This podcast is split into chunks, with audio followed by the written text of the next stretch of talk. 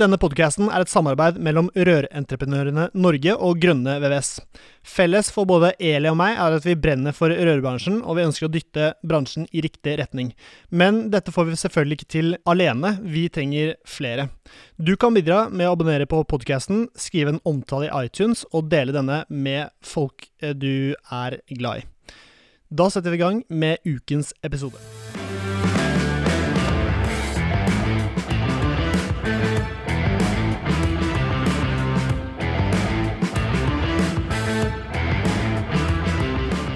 Hei og hjertelig velkommen til en ny episode av Barerør med Eli Hermine Heidal Eide fra Rør-Norge og Sørin Poppe Midtheide fra Grønne VVS. I dag er vi en god forsamling. Vi er faktisk fem personer. Det er en, eh, det er en first. Nå sitter Ingebjørg Martinsen fra Rør-Norge og drodler litt uh, sent på kvelden. Uh, det er, viser engasjement. Det er super, uh, superbra. Hva kan vi si om Ingebjørg, Eli? Nei, Vi hadde ikke eksistert som bransjeforening uten Ingebjørg, for hun holder kontroll på det meste. Ja, Hun bryr, ja, hun bryr seg ikke når vi sitter og snakker om henne engang. Hun Nei, hun later som ingenting. nistirrer på, på PC-skjermen. Men eh, bransjeomsorg er det hun driver med hele tida. Ja, nettopp. Mm, hun gjør oss bedre. Hun er kaldere kaller jeg gjerne mamma. Ja, og så tror jeg alle som har vært med på et, hvilken som helst arrangement i Rør-Norge, har møtt Ingebjørg. Ja, nettopp Mm. fordi Fordi hun er alltid der. Og er alltid blid og alltid har høy grad av service. Men jeg, jeg, jeg har hørt hun skiller seg litt ut på de festene der. Hun er ikke så gæren. Hun er ikke så Nei, gæren? nei, nei, hun oppfører seg veldig ordentlig. Ja, hun gjør det. Ja, ja. Ikke, Ikke nei, noe tull, ikke Jeg noe tull. Blunker til meg nå. ja, ja. Mm. All right. Nei, men la oss uh, sette i gang dagens episode. Altså, jeg kan veldig, veldig lite om temaet, så dette blir en uh, lærings, bratt læringskurve for meg, og det er jo det, ja, det blir jo dramatisk. Men uh, uansett, Eli, kan ikke du um, introdusere dagens gjester? Han ene har jeg prøvd å, det var den første jeg faktisk prøvde å få inn til podden, fordi han er en legende i faget.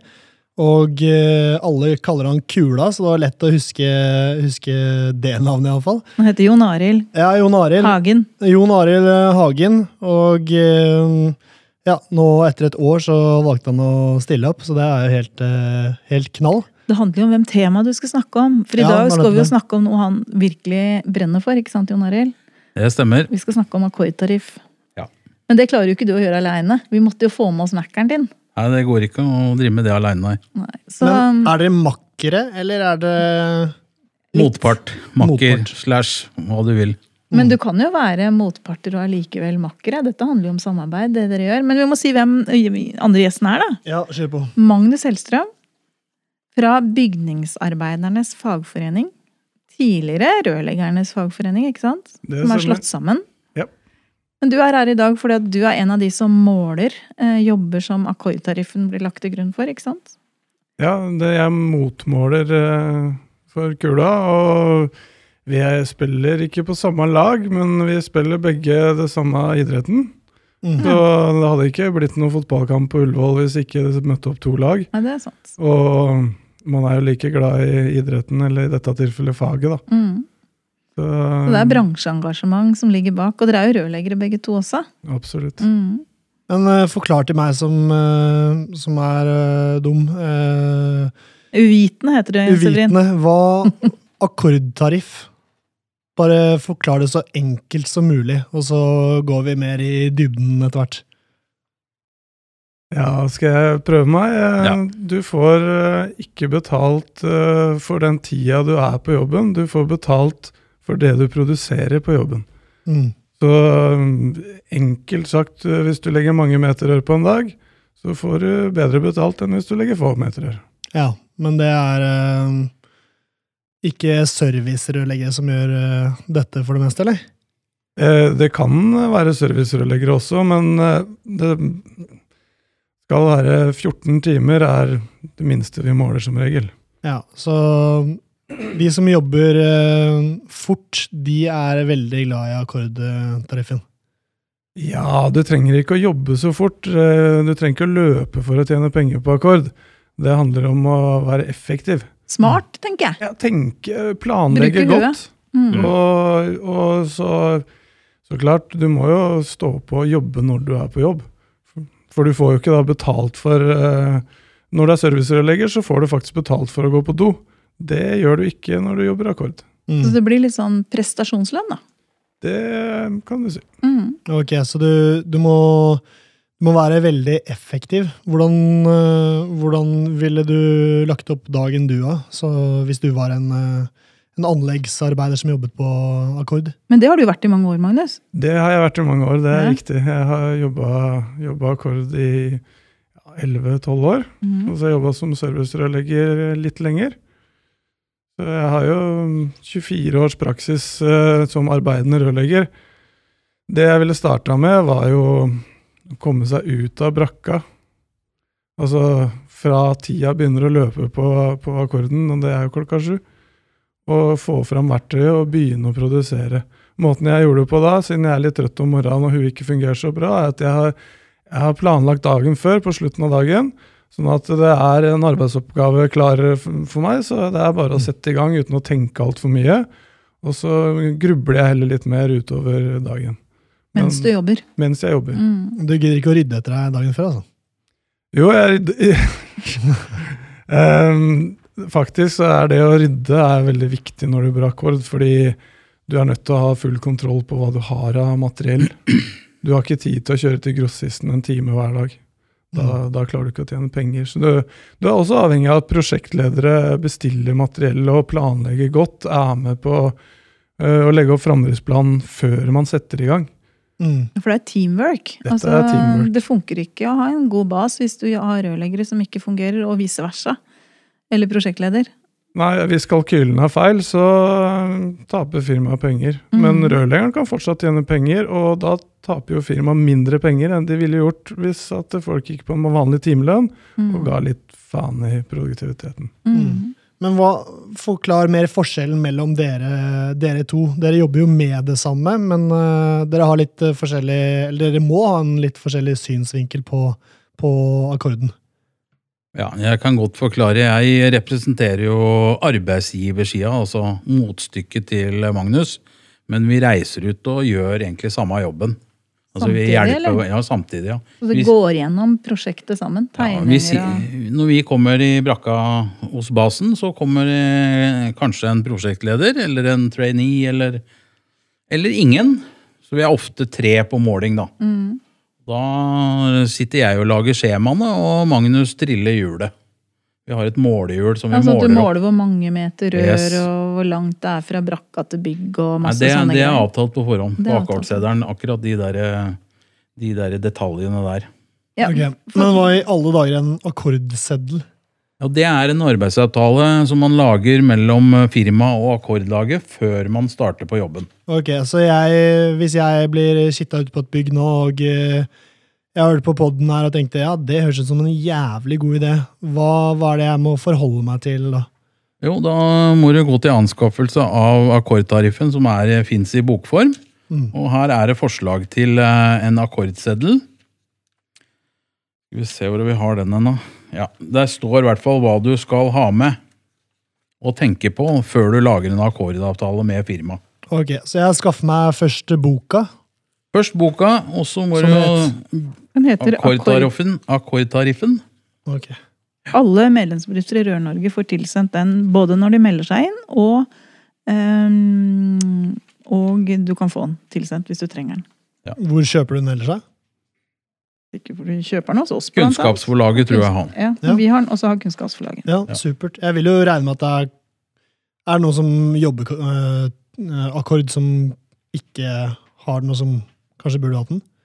Ja, det tror jeg er fordi at de ikke Hvis de spør oss La oss si at du er en sjef som tenker at du skal jobbe akkord, så øh, spør en av dine ansatte, så fikser vi det veldig fort. Ja, ok, nettopp. Litt sånn poenget, da. Nå er det sånn at eh, det er en del bedrifter som bruker akkordtariff som avlønningssystem for sine ansatte. Eh, Istedenfor å da få vanlig rørleggerlønn når du er ute og jobber, så kan du bli målt. Og det er noe det akkord, altså den gjengen som skal gjøre den jobben, blir enig med bedriften om, ikke sant? Ja. Men en bedrift, hvis du da er rørlegger og jobber i en bedrift som du aldri har brukt akkordtariffen før, så er det mulig hvis man da Først så må man jo sette seg inn i hvordan dette her fungerer, men da kan man gå på kurs, ikke sant? Hos dere. Ja, det stemmer. Eh, Vi eh, arrangerer kurs to ganger i året for eh, våre medlemmer. Så du må jo melde deg inn i fagforeninga hvis du ikke allerede er medlem. da. Mm. Eh, og da får du gratis kurs som er verdt mer enn det du betaler i kontingent på et år. Mm. Eh, og du får også tariffen og overenskomsten, og vi, vi hjelper deg i gang. Og vi har også i fellesskap med Jon Arild arrangert eh, korte kurs for prosjektledere som ønsker å, å skjønne mer av hva tariffen handler om. Da. Ja, for jeg tenker Det gjelder jo både prosjektledere, men også daglig leder i bedrifter. For det jeg hørte, var at du kan regne akkord på alle jobber som er på mer enn 14 timer. Ja.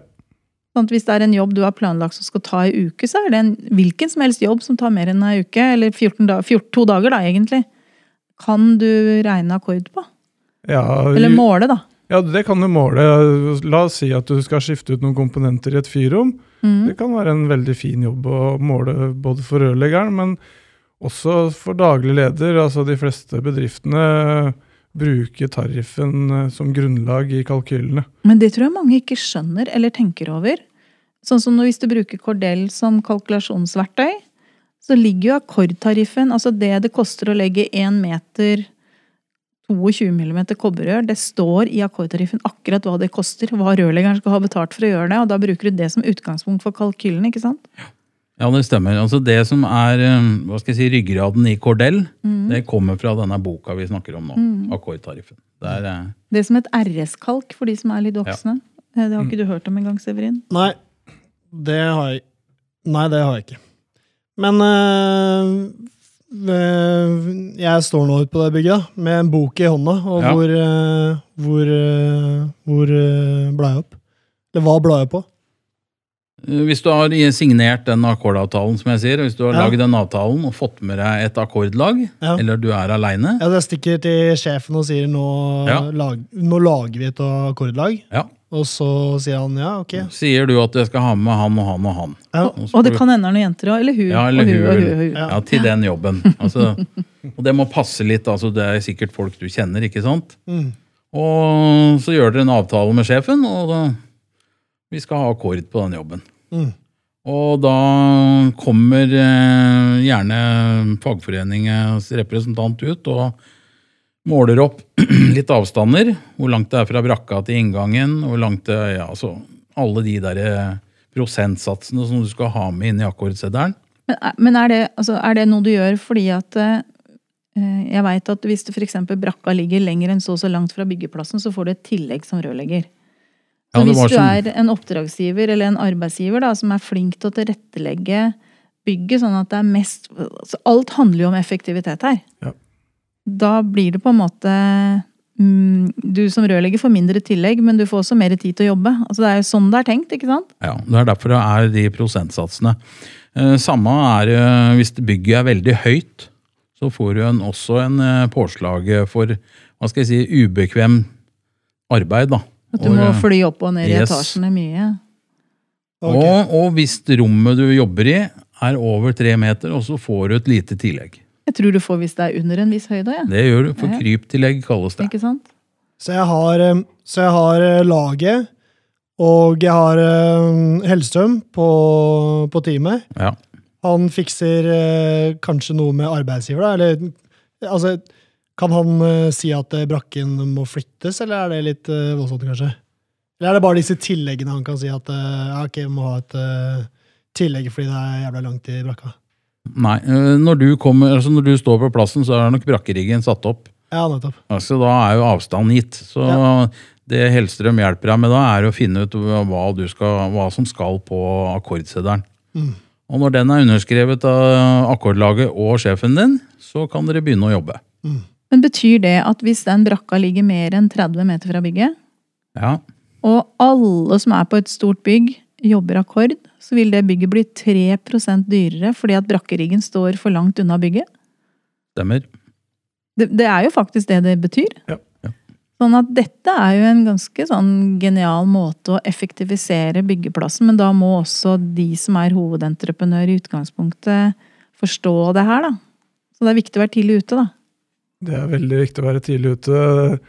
Det har vi jo sett nå, vi som har vært med lenge i bransjen, at byggefristene blir kortere og kortere. Eh, Man rekker kanskje ikke engang å lage en ordentlig kalkyle før du begynner å jobbe. IG-en eh, kommer samme dagen som du får tilbudet. Mm. Og da blir det vanskelig å jobbe akkord. eh, Så det er viktig at hele bransjen jobber sammen om at vi får lov til å komme inn litt tidlig og påvirke framdriftsplaner, hvor brakka skal være. Eh, At det blir tilrettelagt for produktivitet, fordi vi som byggebransjen er den eneste bransjen i Norge som har gått ned i produktivitet de siste 20 åra. Mm. Men hvis Severin skal bygge opp et akkordlag For det står her at en sånn akkordavtale eh, Der står det at den skal minst inneholde hva jobben går ut på. Og omfanget av arbeidet. altså Det regner jeg med at handler om kroner og øre, kanskje? Eller volum? Eh, Det kan være sanitæranlegg, sprinkleranlegg Ja, og et sånn, varmeanlegg f.eks. Og så står det at det skal være priser på utarifferte arbeider, og lagets maksimale størrelse skal stå der. Ja. Tid for oppstart, aktuelle prosenttillegg og reisetid. Så tenker jeg, når jeg gikk på skolen og vi hadde sånn kanonballag, så drev vi og plukka lag. Hvem jeg vil ha med deg. Og så neste gang så plukker jeg ut deg, og så kommer du først som nummer Altså du plukker ut dem du helst vil ha. Blir ikke fort litt altså, Det må jo bli sånn hvis du skal la du, Den som er bas eller prosjektleder, må jo være den som plukker ut laget? Er det basen som plukker ut laget? Det er vel noe man gjør i fellesskap. eh, Og så eh, Etter hvert så i bedrifter så setter eh, lagene seg Folk blir kjent med hverandre, man finner ut hvem som jobber godt sammen. Du trenger kanskje ikke ti mann som er kjempegode på å montere radiatorer på samme prosjektet. Du vil kanskje gjerne spre dem litt utover til de forskjellige prosjektene. Og så er vi jo helt avhengig av nytt blod i bransjen, så vi tar inn lærlinger og lærer dem opp i både faget, og, men også tariffen. Jobbe effektivt. Hvordan jobbe effektivt. Skal du ned på do, se her, ta med deg søpla di ned. Så Mhm. slipper du, Da sparte du fem minutter, og da har du spart penger. Mm. Det heter seg at du aldri skal gå tomhendt når du jobber akkord. Mm. Det bør du egentlig ikke gjøre ellers heller, da. Søppel ut, eller deler inn, eller ta med deg rør. Altså, hjelp til. Mm. Det har jeg lært mannen min når det gjelder å gå ut fra TV-stua, faktisk. Han må jo ta med seg Du skal alltid noe gå med sekk til polet, har jeg hørt. Ja. Eller ta med oppvask i oppvaskmaskinen når du har sett på TV og skal gå og legge deg om kvelden. Ja, Det er en god lærepenge. Men det er, dette er jo en akkord i hjemmet. Ja. jeg stussa på noe. Eh, vi har fått dårligere og dårligere tid i bygge, effektivitet og tid i byggeprosessene. Hvordan kan vi være med på ballen og liksom åpne opp tidsrommet for oss selv? Sånn at uh, Du sa at vi burde komme inn tidligere. Uh, hvordan, hvordan da, da, tenker du? Um, nå er jo jeg på arbeidstakersiden, så det er litt enklere for meg å bare kreve at eh, jeg skal vite om på forhånd eh, hvilke vilkår jeg får på neste prosjekt jeg skal være bas på. Og jeg skjønner at det er veldig vanskelig for mange eh, daglige ledere og de som skal regne kalkyler og sånn, men jeg føler at vi, bransjen som helhet må kreve mer forutsigbarhet. Ehm, ja, at byggherrene tar hensyn til at vi må faktisk planlegge for å kunne effektivisere drifta vår. Uh, vi taper masse penger hele tida på at uh, vi, vi ikke klarer å, å gjøre det effektivt. Og akkordtariffen er et veldig godt verktøy. Hvis man følger de reglene som er her inne, så vil man effektivisere byggeplassen og tjene mer penger. Mm. Blir det ikke sånn indre justis i et sånt akkordlag? Jo. Du kommer ikke for seint hver dag liksom, uten å få høre det. Eller tar Eh, dobbelt så lang lunsj som de andre uten å få en slengbemerkning om at nå er det bra.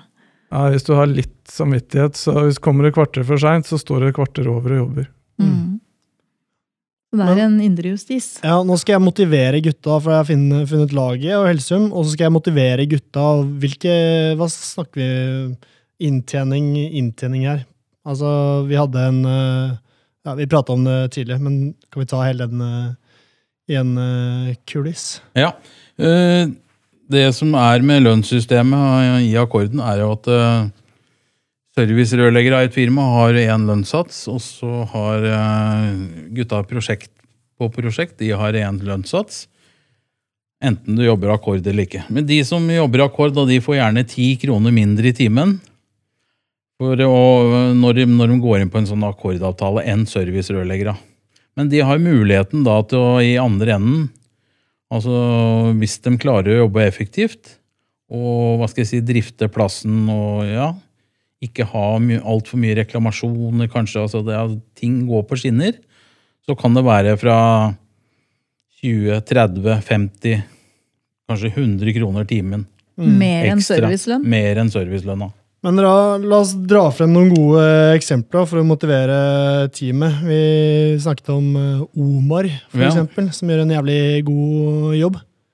Ja, Omar eh, jobber i Assembly. Han har spesialisert seg på leiligheter. og Er han bas, eller? Han er bas, har vel vært bas i nærmere 15 år. Eh, familien hans er opprinnelig fra Somalia, men Omar han, eh, han er norsk. Han gønner på. og Middeltunet, et prosjekt som har vart i ja, to år, vel? Og Tre. tre år. Ja. En haug med leiligheter.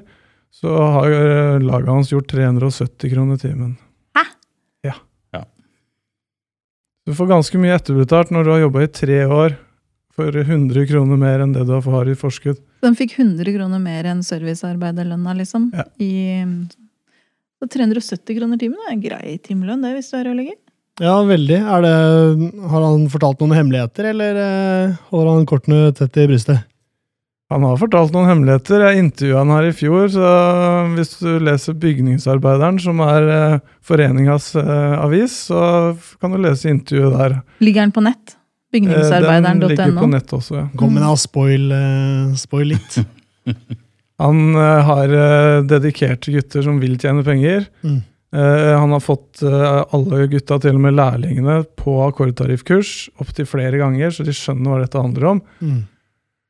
Og så ja, Han gir mye ekstra av seg sjøl. Han står igjen etter arbeidstid noen ganger og gjør vanskelige eller kjipe oppgaver som, som ellers kunne brutt ned humøret til gutta. Mm. Så han er et, eh, kanskje ikke et unikum, for det er mange flinke storbaser i Oslo-området. Ehm, men eh, Omar er en jeg gjerne vil trekke fram. Det er hyggelig å se. Mm. Men nå snakka du om Oslo-området, og det er litt greit å snakke litt om det òg. For det jeg veit, er at oppi Jeg var i Bodø her i fjor eller forrige året. Da fikk jeg høre at dem hadde begynt å måle. Et firma som heter Nilsson oppe i nord. Og så har jeg hørt noen rykter om at i Trondheim så blir det målt ganske mye. Trondheim blir det målt mye. Og så er det her i Oslo, eller hele østlandsområdet, til og med Vestfold, er det det? Ja, jeg pleier å si at måleområdet vårt går fra Kristiansand til Dovre. Ja. Og så har han oppmåleren i Trondheim, han har fra Dovre til Tromsø. Men eh, ja, jeg tenker sånn, da må flere begynne å måle, for det er ikke så mange, det er ikke så mange av dere som flyr og måler, så det kunne jo fint vært flere firmaer som dreiv med det her. Dessverre så har det blitt færre og færre med åra. Hvorfor det, tror du? jeg vet ikke, Bergen er kanskje et godt eksempel. I Bergen så har man forhandla lønnen på en sånn måte at det er veldig mye personlige tillegg. Ja. At kanskje 80 kroner av timelønna til en rørlegger er personlige tillegg. Og da blir det vanskelig i forhold til målesystemet, for der må du forsket akkord må være én sats for, eh, for Alle en for likt. En for alle, alle for en. likt. Hva Ja. betyr personlig Å ja. Uh, ja. Eh, Ansiennitetstillegg, Mm. sveisetillegg sveisetillegg eh, Vi begynner jo å se tendensene her i Oslo at eh, hva skal jeg si, timelønna til eh, både de som går på prosjekt og service, den begynner å bli såpass høy at, det- at det kan hende at vi må justere disse byggprosentene for å få flere til å jobbe akkord. da.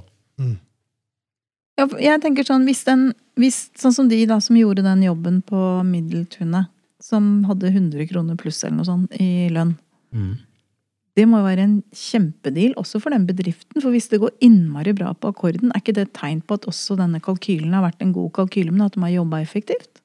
Jo, det er veldig enkelt forklart da, når jeg prøver å forklare til lærlinger og elever. Så pleier jeg å si det at uh, hvis sjefen din har regna et anbud på et prosjekt, han har regna med at det skal være ti mann i ett år. Og da regner han lønnsutgifter for ti mann i ett år. Hvis dere klarer å gjøre det på ni måneder, så får dere alle Du, du får tjener for et år på ni måneder. Mm. Eh, Men sjefen din kan plassere ti mann i tre måneder på et nytt prosjekt som han også har inntekter fra. Mm. Eh, Så da effektiviserer vi, og det er en vinn-vinn-situasjon. Mm. Og det er egentlig helt utrolig at ikke flere prosjektledere og daglige ledere ønsker å måle. Ja, altså, I hvert fall med tanke på at effektiviteten har Altså industrien, altså in, industriarbeidsplassen har jo, har jo faktisk økt effektiviteten sin på de åra vi har redusert den i byggenæringen. Eh, Men der blir det jo mer og mer press fra utlandet i forhold til at du må være effektiv, og det har vi kanskje ikke opplevd så mye av i byggebransjen. Og flere og flere går vekk fra prestasjonslønn og over på fastlønn. Det er jo ikke noen som står og holder deg i øra lenger da, på samme måte. Nei, altså jeg tenker byggebransjen er litt annerledes enn industrien. Mm. Det, det tar fire og et halvt år å bli rørlegger. Det er Mhm. mye du skal kunne. Det er veldig mye krav eh, i norske lovverk og fra forsikringsselskapene som utenlandske arbeidstakere ikke klarer å levere på. Mm. Og vi har fått veldig mange utenlandske arbeidstakere. Mange av dem veldig flinke folk, men eh, den norske rørleggerutdanninga er veldig spesiell. Altså, Portugisiske rørleggere de skjønner ikke det med at du må 1,60 ned for, eh, for at ikke røra skal fryse om vinteren, Nei. for eksempel. Mm. Mm. Så det, er, eh, det å være skandinavisk rørlegger er veldig spesialisert. Mm. Jeg, jeg har fortsatt trua på at eh, de som er her i Norge nå av utenlandsk arbeidskraft, kan bli gode, dyktige akkordrørleggere, men da tror jeg kanskje de må lære norsk og få en ja, fast arbeid i bedriftene. Ja, veldig viktig det. Det med språket spiller jeg veldig mye inn, i hvert fall hva skal jeg si, den gruppa med håndverkere vi ser nå inne i landet. ikke sant? Altså det, de har veldig lyst. Vi har, vi har hatt eh, målt for en polsk bas her i Oslo, og hva skal jeg si, han har fått plukke de gutta han vil, og, men det gikk ikke så bra. Altså det, hva skal jeg si, det, det, det er noen skjær i sjøen før man treffer med akkord. altså. Det er jo ikke alt du gjør for første gang som er så veldig vellykka. Det er Nei. ganske mye vi må drive med som vi må trene litt på for å Ja. bli gode. Ja. Det gjelder vel det meste, egentlig. Ja, da, men han har ikke mista trua, liksom. Han har Nei. tro på AKF. Han har vært med på noen plussmålinger, og hva skal jeg si, det, det funker jo, det. Jeg tenker at det må være motiverende. Ja. Altså, jeg hadde jo en sånn slags akkordarbeid for faren min da jeg var liten, og det var plukke løvetann med rot på plen. Jeg husker ikke helt hvor mye jeg fikk, men det blei jæskla mye løvetann, for jeg tok jo alle i nabolaget samtidig, for det blei jo volum. Eh, Og da får du lyst til å jobbe, fordi at du blir motivert til å jobbe, og du ser at hvis du jobber smart, så kan du få mer ut av det. Og jeg tenker det er, det er jo Hvis jeg hadde drevet en bedrift, så tenker jeg at eh, hvis jeg kan finne noe som motiverer de jeg har ansatt til å jobbe mer effektivt og bruke tida si mer effektivt, så er jo det en, det er en gulloppskrift å tjene mer penger for både den ansatte og bedriften det her, da. Det er det. Eh, Du kan si det sånn at eh, folk eh, jobber for eh, penga. Jeg er veldig glad i rørlegging, men jeg hadde nok ikke lagt så mye rør hvis jeg ikke fikk betalt for det. Og hvis du har muligheten til å få mer betalt fordi du står på, eller bare er litt smartere i måten du legger opp arbeidet ditt på, så selvsagt. Mm. Er, det noen, noen verktøy eh, dere ser hjelper eh, arbeidene ute på plassen for å gjøre arbeidet deres mer effektivt? Ja, Når det gjelder eh, hva skal jeg si, bolig, og hvis vi trekker fram han Omar igjen, da, og også på boligprosjektene, så er det jo det er så mye av jobben skjer jo på dekket, ikke sant? Mm. Både med sprinkel og sanitær.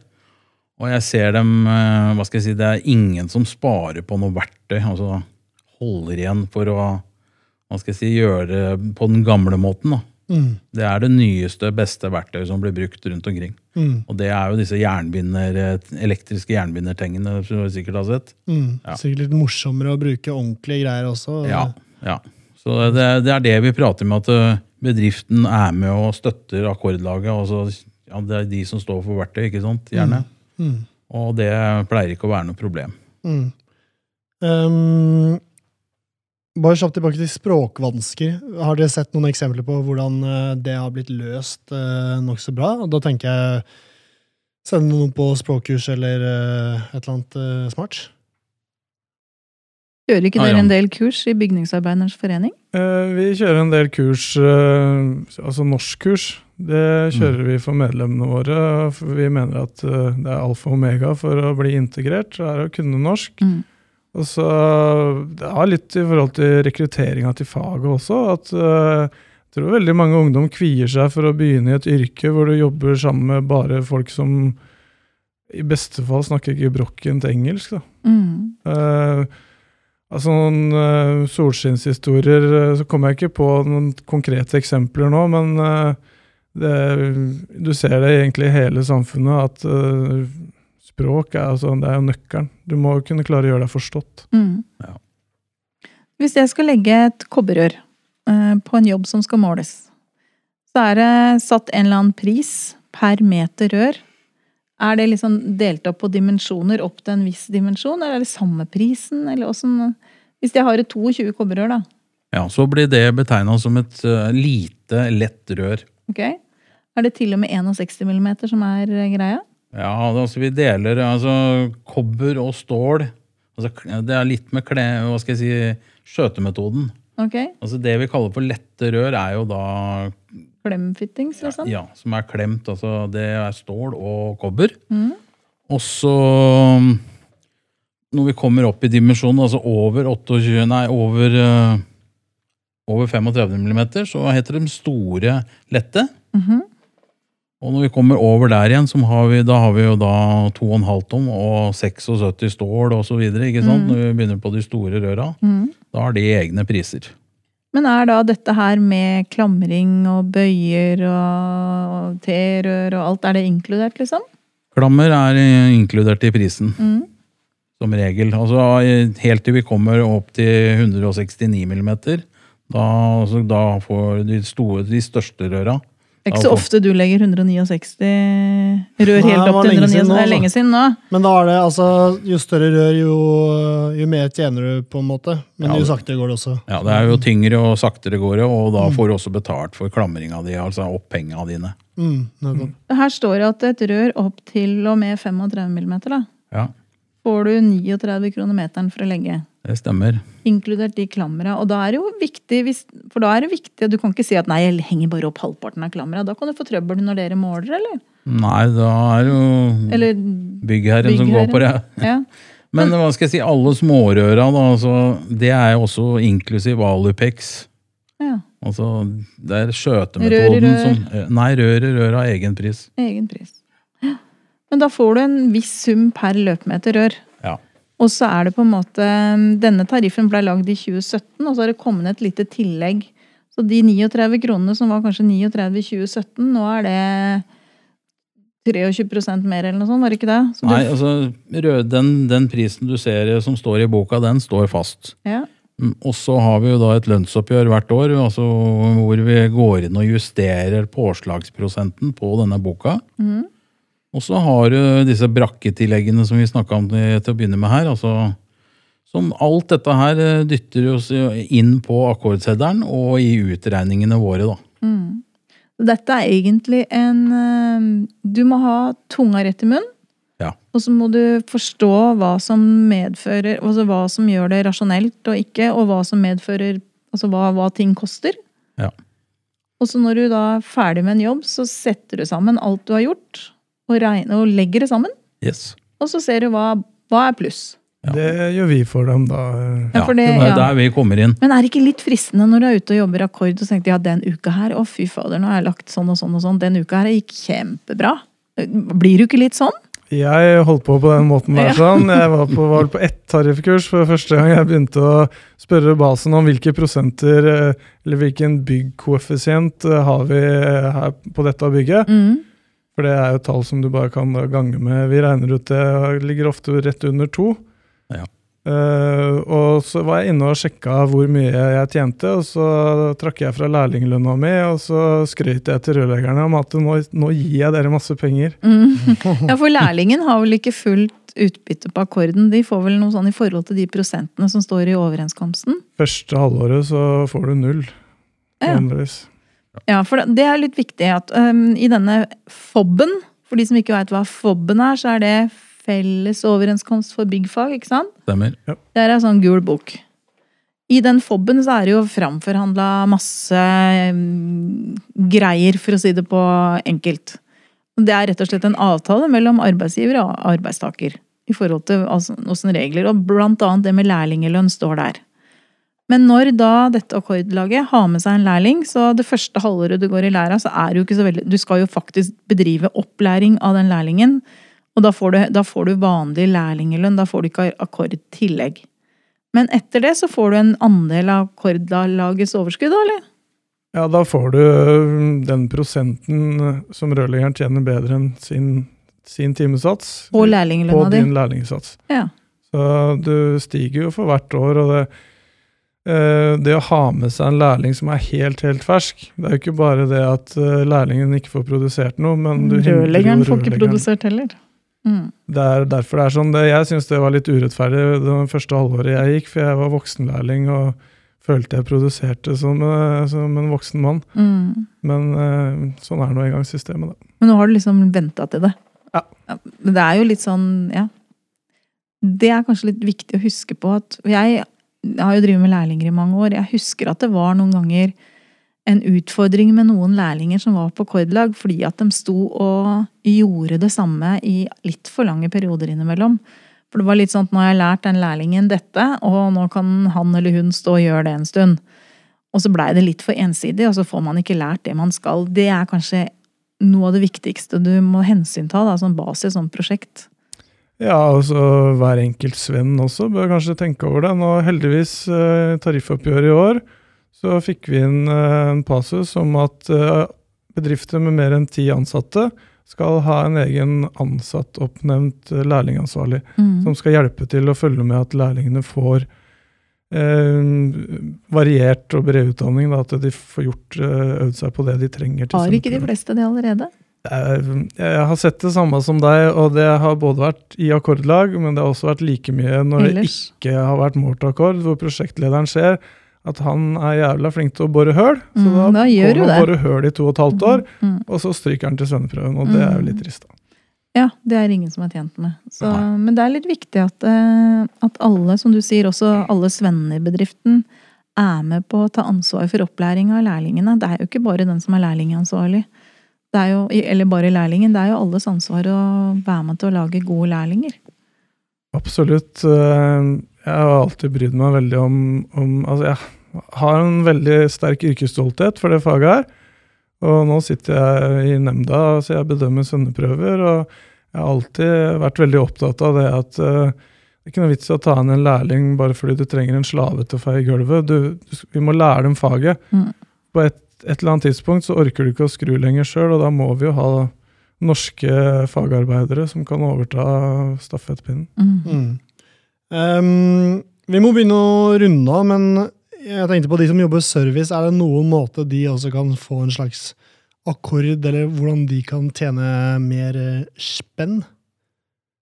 Nei, altså hvis du kun eh, skifter uh, servantkranen hjemme hos herr Hansen, så blir det litt vanskelig. Men eh, samtidig, du kan jo bruke det for å rasjonalisere måten du jobber på. Uh, når jeg jobba som servicerørlegger, så fikk jeg kanskje tre oppdrag på en dag. Jeg dro ikke tre ganger på grossisten. Jeg dro én gang, og så plukka jeg med meg det jeg trodde jeg kom til å trenge, eller litt mer. Og så kjørte jeg retur én gang. Mm. Så sparte jeg en masse tid. Men det er fordi du var vant til å jobbe akkord. Det Ja. lå i ryggmargen. Det, du slutter ikke med det. Det er sånn jeg prøver å lære dattera mi òg. Ja, når du kommer ned nå og skal spise frokost, så ta med deg den tallerkenen fra i går. Mm, Og hun bare Ja, hva, hvor mye prosent får jeg igjen for eh, at Hva det får er jeg to for trapper det? og sånn? eh? Det kommer bare et fnys. For, for jeg skal bare legge til det med servicerørleggere. For, for 20 år tilbake så var det mer vanlig enn i dag å avtale slumpakkorder, kalte de det. Og det var gjerne servicerørleggere som hadde litt større jobber. Kanskje på over 14 timer som kunne vært målt, Mm. men eh, de avtalte heller en sånn slumpakkord. da. Mm. Og da er jo ikke vi målere inne. Mm. Og Vi gjør hjelper en dem da. beregning bare ja. Vi gjør en Sammen med beregning sjøl. bedriften. Yes. Det kunne vært en eh, prosent av eh, Men du bruker jo fortsatt akkordtariffen. Ikke, ikke på de slumpakkordene hvor vi, inne, hvor vi ikke er Da er det ikke en akkordseddel, da gjør du bare en, hva skal jeg si, en slags muntlig avtale. En deal, da. Mm. Okay. Men det er, det er, jeg har ikke hørt om det på flere år. slump. Den skal jeg prøve, altså. Ok, Ja. Ja. supert. Dette ble veldig, veldig bra. Ja, jeg tenker sånn Det der å eh, motivere folk til å tørre å prøve dette eh, i forhold til å tjene mer penger og bli mer effektive, er liksom, var litt mitt mål med å invitere dere, da. Ja. Ufarliggjøre det litt. Ta kontakt med oss. Mm. Kan være første steg. En av oss. Mm. Ja, For du, du, deg finner vi på nettsidene til Bygningsarbeidernes fagforening. Veldig lett. eh, Søk på bygningsarbeider.no, og så går du på ansatte, og så finner du Magnus Hellstrøm med full eh, kontaktinfo. Var ikke det rockestjerne som het Magnus Hellstrøm? En gang? Nei. Håkan Hellstrøm. Håkan. Håkan, ja, ja. Men han var svensk. Morgan. Men åssen er det med deg? Åssen finner vi deg, Jon Nei, Arild? meg finner du på Rør-Norge Oslo på nettet. Mm. Og hva heter dette programmet jeg var med i? Som alle sier nå, det går i reprise og reprise og reprise. Å ja, ja, ja, jeg husker det jo, men eh, jeg husker ikke. Praktisk info. Ja, stemmer. Du er litt sånn TV-kjendis? Ja, nei, nei. Hva er instaen sånn. din, da? Det, nei. Nei, jeg husker ikke. Nei, det er bare Jon Arild, tror jeg. Ja. Ja. Bare Jon Arild, det høres jævlig bra ut, det òg. Ok, eh, tusen takk for at begge dere kom. Det var helt eh, jævlig bra, rett og slett. Så mm, vi takker for nå, og så håper jeg vi kan ta en økt til om eh, ikke så altfor lenge når vi har glemt hele greia. Så det blir bra. Vi prates. Halla, hvis du likte denne podcasten, hadde vi satt utrolig stor pris på om du abonnerte og gir oss en tilbakemelding i avspilleren. Eh, spre gjerne ordet videre til andre i rørbransjen som brenner for rørleggerfaget og er opptatt av å drive en seriøs rørleggerbedrift. Mitt navn er Severin Poppe Midteide, og med meg har jeg co-host Eli Hermine Heidal Eide. Sammen er vi to podcasten Bare Rør med Eli og Poppe. Et samarbeid mellom Grønne VVS og Rørentreprenørene Norge.